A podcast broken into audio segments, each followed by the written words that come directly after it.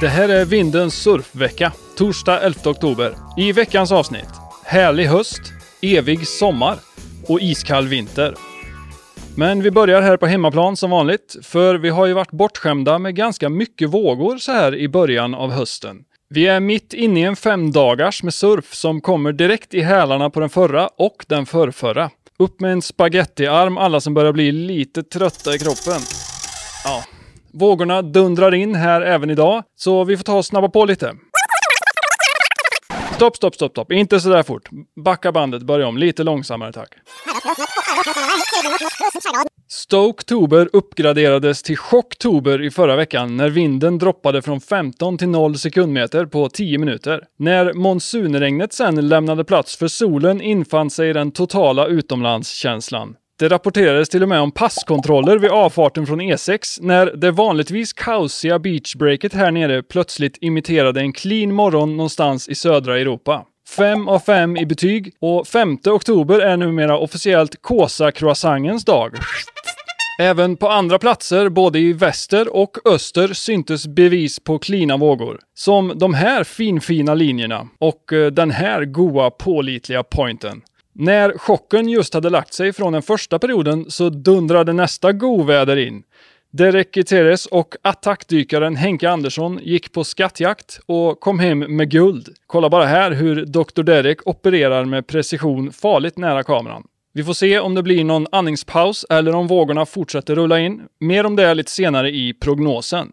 Från utomlandskänsla på hemmaplan går vi vidare till det riktiga utlandet. Det här är veckans vågor.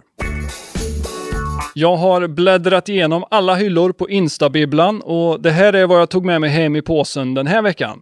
På tredje plats hittar vi det här väl inslagna paketet från de yttre sandbankarnas tubtomte nummer ett, Brett Gnarly. Inte bara en, utan två gånger tak över huvudet hinns med innan stranden till slut kommer ifatt honom. På andra plats har vi den här påminnelsen om hur fin den legendariska Bruce's Beauties kan bli egentligen. Endless Summer-fyndet i Cape St. Francis kräver ju ganska många faktorer för att verkligen funka. Men den här dagen verkar alla stjärnor ha stått nästan rätt. Två fina vågor, men veckans etta är ännu finare. Kolla bara den här betryggande bilden av att vintern kanske inte behöver vara så där jobbig ändå. I alla fall inte om du bor i Alaska och har tillgång till båt, flygplan, en ny vinterdräkt och vet vart den här vågen är någonstans. Vi har ju såklart en bubblare också. Det är den här inpaddlingen med dödsdropp och layback som nästan får ett lyckligt slut. Tyvärr trillar han av där, men annars hade han nog kommit in på topp tre tror jag. Okej, okay. från film till musik. Det har blivit dags för veckans vax. Ljudvågorna som sköljt över mig med störst kraft den här veckan kommer från den här. Terrapin Station med Grateful Dead från 1977.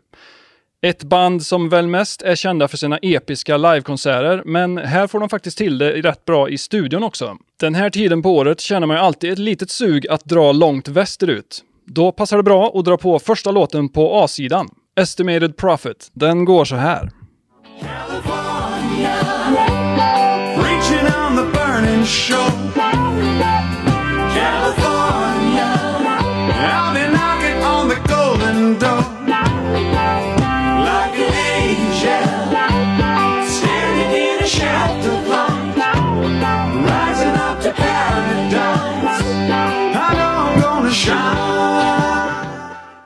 Ja, men om du ändå blir kvar här hemma och behöver lugna resfebern, då kan du ägna dig åt skivans B-sida, som består av en enda lång låt. Den 16 minuter långa Terrapin Station Medley. Den går bland annat så här.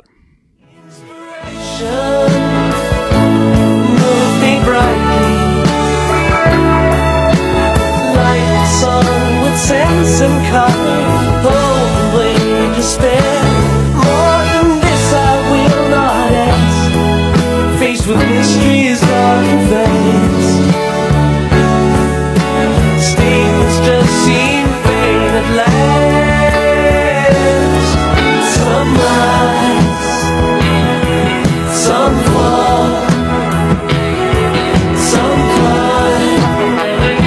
Forget To tell to Ja, Grateful Dead alltså. Kolla in dem och alla andra låttips här från programmet på veckans vax på Spotify. Okej, det har blivit dags att se vad som har hänt i surfsportens värld. Det har gått ut en lite försiktig varning för SM på Torö i helgen. Oklart om det blir av när just detta spelas in, men jag hoppas få återkomma med en rapport, kanske i nästa avsnitt. På alla högervågors moder, First Point Malibu, avgjordes långbrädornas mästerskap i måndags. Vågorna var av det mindre slaget, men det är som bekant inget problem om brädan är tillräckligt stor. Det är ändå lite befriande att se en tävling helt fri från airs som istället fokuserar på glid, häng och stil. Longboard-touren känns också lagom komprimerad med sina fyra tävlingar på fyra månader. Kanske något för den inte så komprimerade shortboard-touren att ta efter. Pipeline, Sunset, Gold Coast, final på Chopu. Det är mitt förslag. Vi får väl se om WSL tar till sig. Vann tävlingen i Malibu gjorde i alla fall hemmasurfaren Soleil Eriko för andra året i rad. Kai Salas tog sin första världsmästartitel efter ett spännande avgörande i sista skiljeheatet. Okej, vi lämnar sporten för den här gången och går vidare till vädret. Det ser ut att bli ännu en helg i vågornas tecken. Lördagen bjuder på vind i mängder och vågor därtill upp mot 3 metersstrecket enligt den mest generösa prognossajten. Swellet håller i sig över söndagen också med lite lugnare vindar och även starten på nästa vecka kan ge fin surf här i väster och lite längre söderut. Okej, det här var allt för den här gången. Vi ses snart igen hoppas jag. Tills dess, ha det bra!